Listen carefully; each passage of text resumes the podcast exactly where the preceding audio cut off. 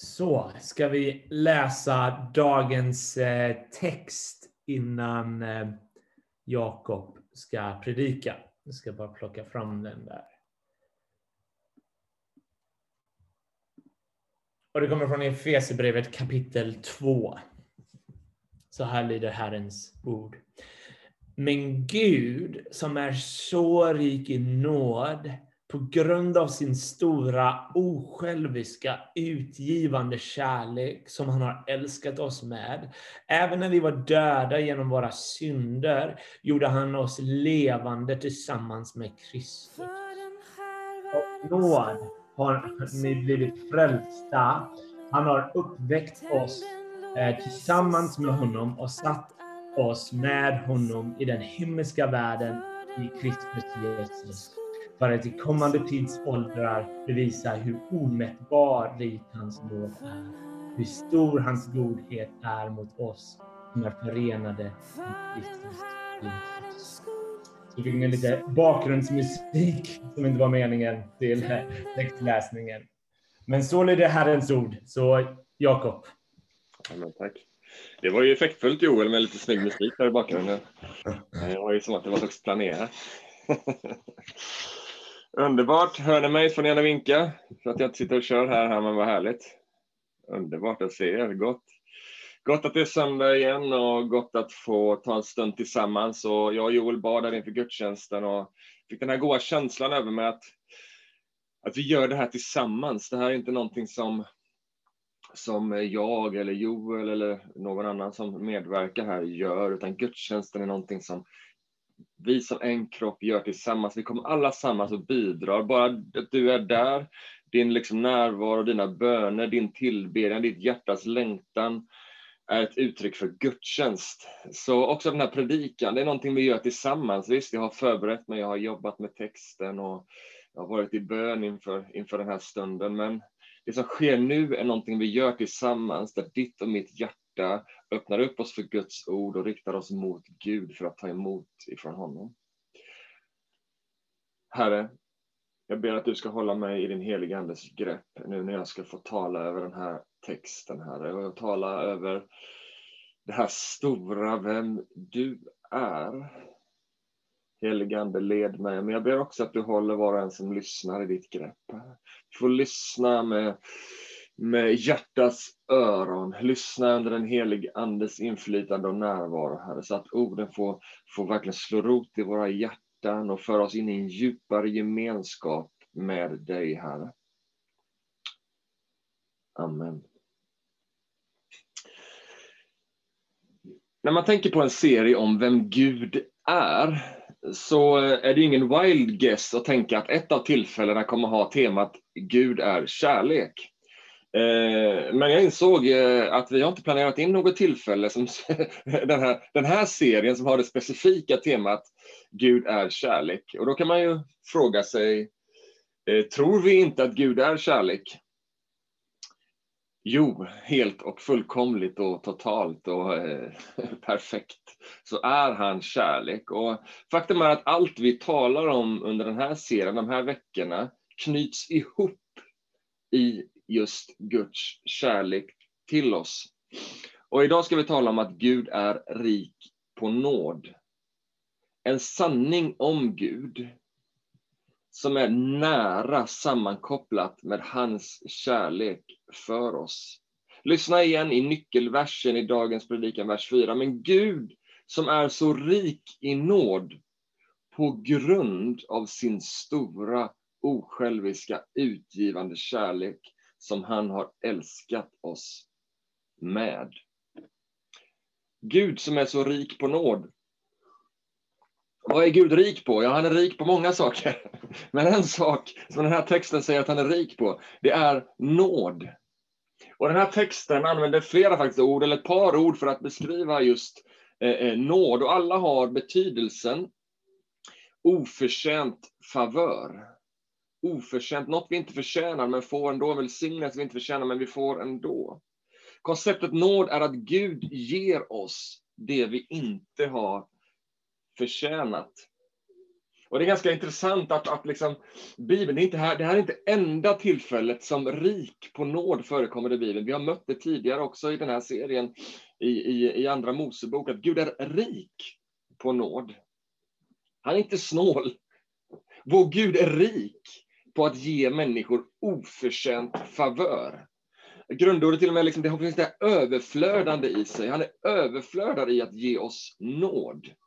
Och vers 7 som vi hörde Joel läsa säger att Kristus har bevisat, Kristus har bevisat hur omätbar, alltså den är för stor för att mätas. Guds skatter när det kommer till nåd är för stor för att mätas. Kristus har bevisat hur omätbar Guds nåd och godhet är emot oss. Och när jag läste det här och mediterade över det där så bara kände jag att jag behövde säga att Gud som krävande och Gud som girig, det är falska gudsbilder. Har du en bild av en krävande Gud, av en girig Gud, så är det falska bilder av vem Gud är. Bilder från någon annan religion än kristendom. Bilder från den här samtiden som kanske kan kränga på Gud, men det är inte vem Gud är. Och du kanske vet detta rent teoretiskt, men det kan ändå vara möjligt att indirekt leva med en sådan gudsbild. Att aldrig känna sig tillräcklig inför Gud. Att känna, liksom, ha den här liksom, gnagande känslan av att Gud kräver hela tiden mer och mer. Och man kommer in i någon form av andligt dåligt självförtroende. Men Gud, han är inte snål och girig. Gud, han förminskar inte dig. Gud är inte krävande, Gud är givande. Och han ger utifrån ett överflöd. Han är rik på nåd. Han öser oförtjänt favör över dig utifrån sin rikedom av nåd. Och självklart så vill jag också säga att det finns perspektiv av att Gud vill att vi ska ge honom hela våra liv. Men det är inte utifrån en girighet eller utifrån något krävande. Att ge honom hela våra liv är inte förminskande eller ett förtärande krav på det sättet. Tvärtom. Att ge sitt liv till Gud, det är att leva ett liv där vi tar emot ifrån hans rikedomar och där vi får blomstra som människor. Att hitta vårt rätta element, att hitta platsen som Gud skapat oss för, en plats där han inte tar, utan där han ger liv, nåd, godhet. Om vi hade fortsatt att läsa i dagens bibeltext några verser till så hade det stått så här. För det är genom nåd, säger han i vers 8, i Efesierbrevet 2. Det är genom nåd som ni är frälsta, genom tro. Frälsningen kommer inte ifrån er själva. Det är en gåva från Gud. Den kommer inte från gärningar. Och detta för att ingen ska kunna skryta och bli högfärdig. För vi, vi är Guds hantverk transformerade i Kristus Jesus för goda gärningar som Gud redan har förberett för oss att vandra i. Det kommer inte från gärningar. Det är inget krav från hans sida. Kom igen nu, gör de rätta sakerna. Det kommer ifrån nåd. Vi lever ett liv att ta emot ifrån Gud. Det är vår position, vår ställning ifrån Gud, inför Gud. Det är att vara mottagare. Vi tar emot ifrån Gud utan behov att förtjäna det vi tar emot. Och så, så vackert som texten säger, att vi lever ett liv där vi är Guds hantverk. Det är inte så att vi behöver lägga upp oss själva på liksom snickarbänken och försöka karva till liksom det som Gud har tänkt. Nej, vi är Guds hantverk transformerade i Kristus utan behov att försöka fixa oss själva, därför att han fixar oss. Han ger oförtjänt och han är hantverkaren som formar något vackert av oss, hur trasigt det än må vara.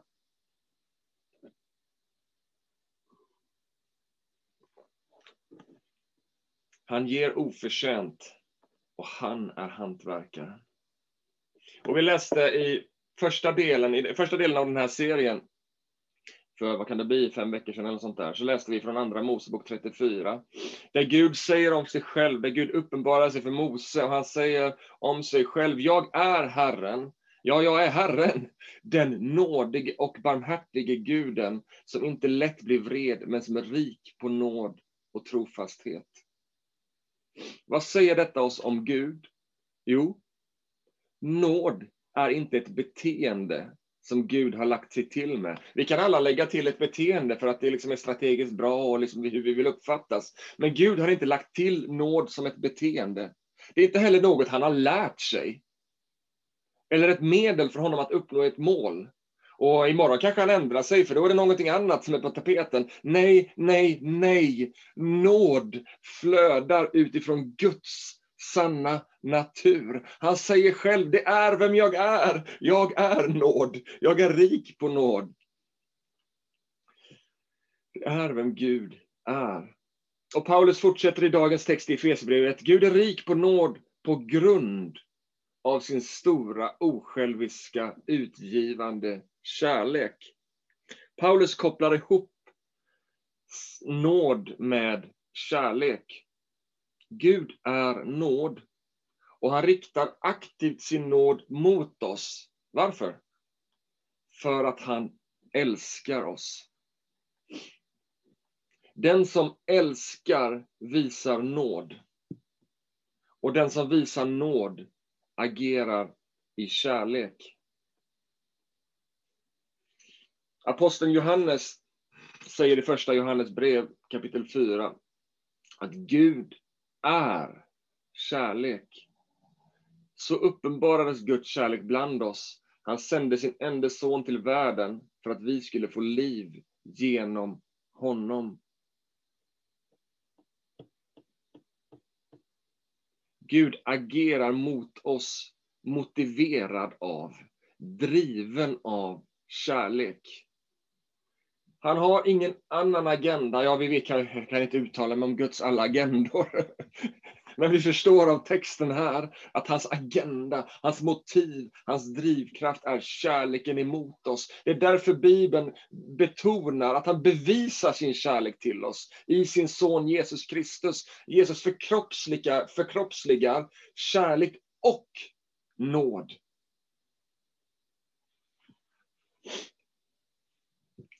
Men när vi pratar om kärlek och nåd, för kärlek och nåd är missbrukade begrepp i vår samtid, men också skulle jag vilja hävda att det är missförstådda begrepp, åtminstone också inom kyrkans värld. Vi behöver förstå, när vi pratar om nåd och kärlek, så behöver vi förstå kärlekens sanna natur. Gud är kärlek, men det betyder inte att allt är rosa och sockersött och gulligt. Det är liksom inte det som är kärlekens sanna natur. Sann kärlek är inte bara något som stryker medhårs. Utan sann kärlek utmanar det som behöver utmanas. Och vi inom kyrkan behöver göra upp med gulligull-kristendomen, där det bara är det var nåd och acceptans och gull och allt är fint. Gud är kärlek. Men han är också helig och rättfärdig. Så därför så är han inte dumsnäll. Om han bara hade varit gulligull och nåd och kärlek i någon form av gulligull-definition, då hade han kunnat vara dumsnäll. Men han är helig och rättfärdig, som vi har hört genom den här serien. Han är inte dumsnäll där kärleken liksom lägger krokben för sig själv. Utan Gud, han är fullkomlig i sin kärlek. Är man dumsnäll, vilket man är ibland när man är förälder, man bara liksom tar den lätta genvägen. Är man dumsnäll så ser man mellan fingrarna med sådant som är destruktivt. Man vill bara vara snäll och smidig. Men konsekvensen kan bli att personen fortsätter sitt destruktiva mönster och det finns ingen förändring i personens liv. Och då har personen varken fått möta nåd eller sann kärlek. Guds kärlek är tillrättavisande. Guds kärlek, ja den kan leda till smärta smärta initialt för att vi ska vakna upp och omvända oss. Kärlek, nåd. Paulus, han skriver till församlingen i Korint, det står i andra Korinthierbrevet 7, att han inte ångrar att hans ord till dem har skapat bedrövelse. Så han har skrivit någonting till dem, han har sagt någonting till dem som har skapat bedrövelse. Och så säger han, jag ångrar inte det. Och så fortsätter han, därför att en sorg efter Guds vilja leder till omvändelse. Det är kärlek. Att våga utmana, att våga skapa bedrövelse, att våga skapa sorg där det behövs. För är det, är det, är det efter sanningen så leder det till omvändelse.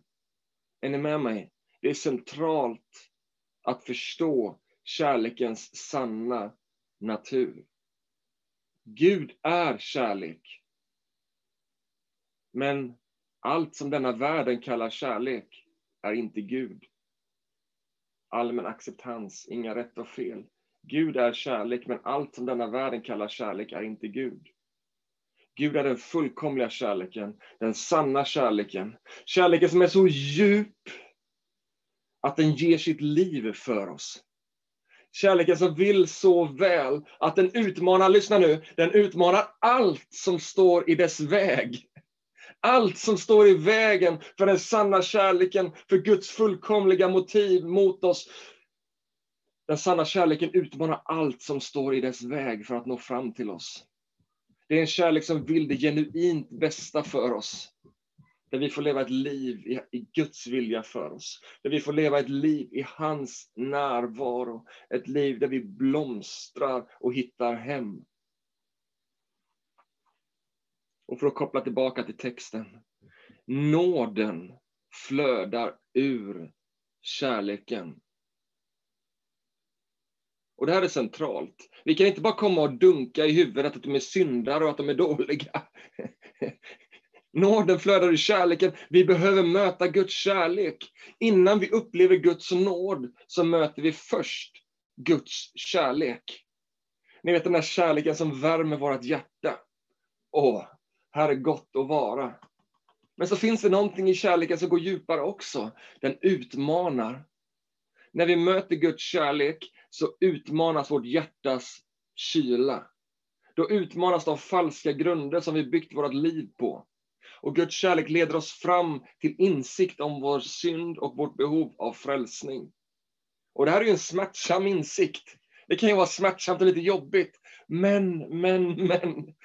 Den är också befriande. Den är ljuvlig. Där vi får erkänna vårt tillstånd och så får vi bara lägga ner våran gard och inse vi kan inte fixa oss själva. Vi kan inte fixa det här livet. Vi kan inte bygga vår egen väg in i evigheten. Nej, vi får bara slappna av, öppna upp, omvända oss och ta emot nåd. Det hade inte varit kärlek ifrån Guds sida att blunda för vår synd. Kan ju en del tycka. Men det hade inte varit kärlek. Det hade inte varit kärlek av Gud att inte sätta upp en stoppskylt. En röd, jobbig, fet stoppskylt som utmanar oss mitt på livets väg. Men det hade inte heller varit kärlek av Gud att sätta upp en stoppskylt om man inte samtidigt hade förberett en alternativ väg för oss. Men Gud som är så rik på nåd, på grund av sin stora osjälviska utgivande kärlek som han har älskat oss med, även när vi var döda genom våra synder. Där, där vi vandrade i våra synder, där fanns en stoppskylt. Vi fick möta hans kärlek, vi fick möta stoppet. Och där fick vi omvända oss, vi fick bli levande tillsammans med Kristus. Denna kärleken sände Guds son till ett kors. Kärleken beredde en ny väg. Kärleken konfronterade oss i våran synd. Och där, just där, där vi känner oss både älskade och dömda. Där vi upplever både Guds kärlek och vår egen smuts. Där kommer Gud med sin nåd. Och vet du vad? Då är det inte fattigt, då är det inte snålt, då är det inte lite, då är det inte så att det nästan räcker. Då är det rikt, då är det överflödande och vi får bjudas in till ett liv i frihet, i renhet. där vi blir levande med Kristus och vi bjuds in i gemenskap med Gud själv. Intimitet, närhet med Gud själv. En nåd som flödar ut ur kärlek. Han älskar dig. Lyssna nu. Han älskar dig och han vill ha dig nära sig. Därför sände han sin son, för han älskar dig. Därför ger han, riktar han sin nåd emot dig, för han vill ha dig nära sig. Vad betyder nåd för dig? Tre bokstäver. Nåd. Vad betyder nåd för dig? Jag vill ställa en liten utmanande fråga. Nu pratar vi om nåd här. Men på riktigt. Är Guds nåd värd något för dig? Betyder Guds nåd något för dig? Är nåden verklig för dig? Eller är det bara ett teoretiskt koncept? Ett sätt att försöka förstå Gud?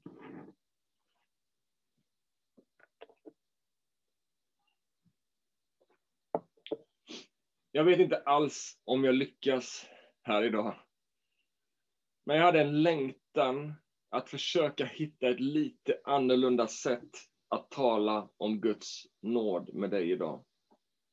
För min bön är att dagens budskap ska mejsla sig in bakom all teoretisk fasad av vad nåd betyder för dig. För du behöver inte ännu en teoretisk idé om begreppet nåd. Du behöver inte en till modell. Du behöver nu talar jag om för dig vad du behöver, men jag tror att det är sant. Du behöver en erfarenhet av nådens kraft i ditt liv. Du behöver en erfarenhet, du behöver smaka på nådens kraft. Och den blir först verklig när du inser att du inte klarade en dag utan Guds nåd. Att du inte klarar en sekund utan Guds nåd. Och jag vet inte om det är så, men kanske är det så att nådens kraft känns overklig och långt borta för dig. För att du håller dig på behörigt avstånd. Och vet du vad? Då är inte ditt bekymmer att du inte känner nåden. Då är ditt bekymmer att du håller dig på avstånd. Gud vill inte ha dig på avstånd. Han har gett allt allt han kunde ge för att ha dig nära sig. Och det är lite som det här med coronaavstånd. Vi kan liksom vara med varandra, men det är med restriktioner. Och jag är så evigt trött på dessa restriktioner. Jag vill bara vara nära dig. Förstår du? Jag vill vara kyrka, jag vill vara gemenskap. Men än mer, Gud vill ha gemenskap med dig. Gud har inga avståndsrestriktioner mot dig. Och han vill att du ska slänga alla restriktioner du har mot honom i soptunnan. Därför att Gud vill ha dig nära sig. Gud är inte långt borta. Men vi, vi kan hålla oss på någon form av mentalt tryggt avstånd. Men då kommer vi inte heller få smaka på nådens kraft. Men när vi vandrar in i hans heliga närvaro, i bön, i tillbedjan, i gemenskap, i intimitet, då väcks både insikt och tacksamhet över hans nåd. Därför att då inser vi att det finns ju ingen annan väg. Hur ska jag kunna komma inför en helig Gud? Hur ska jag kunna närma mig en fullkomlig Gud? Det finns ingen annan väg att komma på än att komma på nådens väg. Och nu vill jag dela några bibeltexter med till slutet här från Hebreerbrevet som har blivit levande för mig.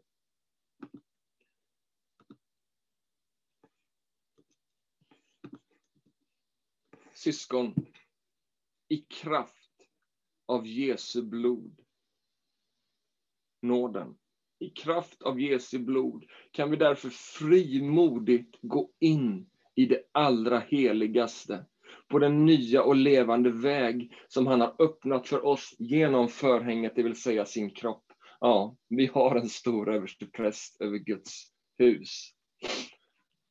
Hur kan vi komma frimodigt in i Guds härlighet och helighet. Bara på nådens levande väg. Där får skam och tveksamhet böja sig. Där får egen brist, där får andligt dåligt självförtroende sköljas bort och vi får komma fria och modiga inför Gud. Men du vet, om vi håller oss på avstånd, då behöver vi inte aktivera nådens kraft i våra liv. För synden syns ändå inte i dunklet. Den är med mig. Spelar ingen roll om jag håller mig på avstånd. Men om vi frimodigt om vi frimodigt ska kliva in i Herrens härlighet, om vi frimodigt ska kliva in i hans helighet, in i hans närhet, då är enda vägen en stark uppenbarelse om att nåden berett en väg. Att nåden bär, att nåden räcker. Det enda jag behöver, det enda jag har inför den vita tronen, det är hans nåd, den är med mig. Vi kommer inte på egna meriter, för då kommer vi ingenstans, utan vi kommer iklädda Kristi rättfärdighet. Och så fortsätter texten så här. Låt oss därför gå fram med ärligt hjärta i trons fulla visshet. Med hjärtat renat från ont samvete och med kroppen badad i rent vatten. Låt oss orubbligt hålla fast vid hoppets bekännelse, för han som har gett oss löftet är trofast. Låt oss jakt på varandra, gemenskapen, se varandra och sporra varandra till kärlek och goda gärningar. Och låt oss inte överge våra sammankomster så som en del brukar göra. Utan istället uppmuntra varandra och det så mycket mer som ni ser att dagen närmar sig. Mycket man kan säga om detta. Men det jag vill säga det är att Gud kallar sitt folk in i en djup gemenskap med honom. Nåden är inte bara en biljett till det eviga livet. Nåden är en biljett in i hans härlighet och helighet här och nu. Och har du en uppenbarelse över nåden, betyder nåden för, någonting för dig, då vet du att du kan komma i trons fulla visshet. Wow! Du kan komma frimodigt inför Gud och veta att vägen är öppen in i gemenskap med Gud. Det är så du kan komma i din personliga tillbedjan. Håll dig inte på avstånd och be slätstrukna böner, då kan det kvitta. Kom igen, gå in med full trosvisshet inför tronen. Kom inför han som har skapat himmel och jord. Kom inför han som har sänt sin son för världens synd. Kom inför han som har berett en evighet för dig. Kom inför han som är beredd att göra vad som helst för att ha gemenskap med dig. Kom inför honom i din personliga tillbedjan. Men också så här när vi firar gudstjänst. Kom frimodigt. Kom i tro, kom i förvissning, kom med ett renat hjärta, kom i förväntan, kom frimodigt med steg inför Gud.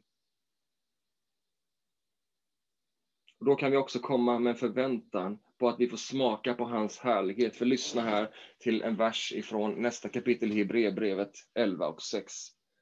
Utan tro är det omöjligt att behaga Gud. Den som vill komma till honom måste tro att han finns till och att han belönar dem som söker honom. Det är som att Paulus säger att det är en sak att tro att Gud finns. Att Gud är till, det är en sak. Men det är en annan sak att också tro att han är engagerad i våra liv. Han upp, Paulus uppmuntrar oss att inte bara, liksom, ja, Gud finns väl. Han uppmuntrar oss också att leva våra liv på ett sätt där vi ser att han är engagerad. Där han belönar, uttrycket som Paulus använder, där han belönar oss. Där vi får smaka på hans härlighet när vi söker honom. Att komma i tro, det är att lita på att nåden bär och att han också kommer att möta oss med sin härlighet när vi söker honom. Lovsång och tillbedjan är inte bara kreativa inslag i våra gudstjänster för att det är kul med någonting kreativt.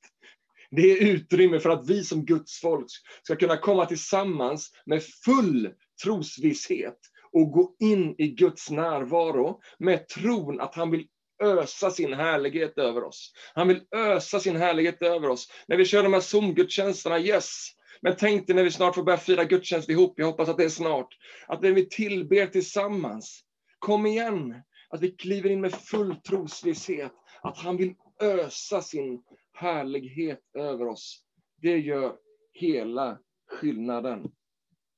Gud reser upp ett folk i den här tiden som hungrar efter nya erfarenheter med Gud, som hungrar efter hans närvaro. Hans kärlek kallar oss in i hans närhet. Hans generösa nåd är vägen. Vår frimodighet är sättet vi kommer och hans härlighet är vår belöning. Ett folk som vill gå fram på den väg som Kristus har berättat för oss, in i hans heliga och härliga närhet. Amen.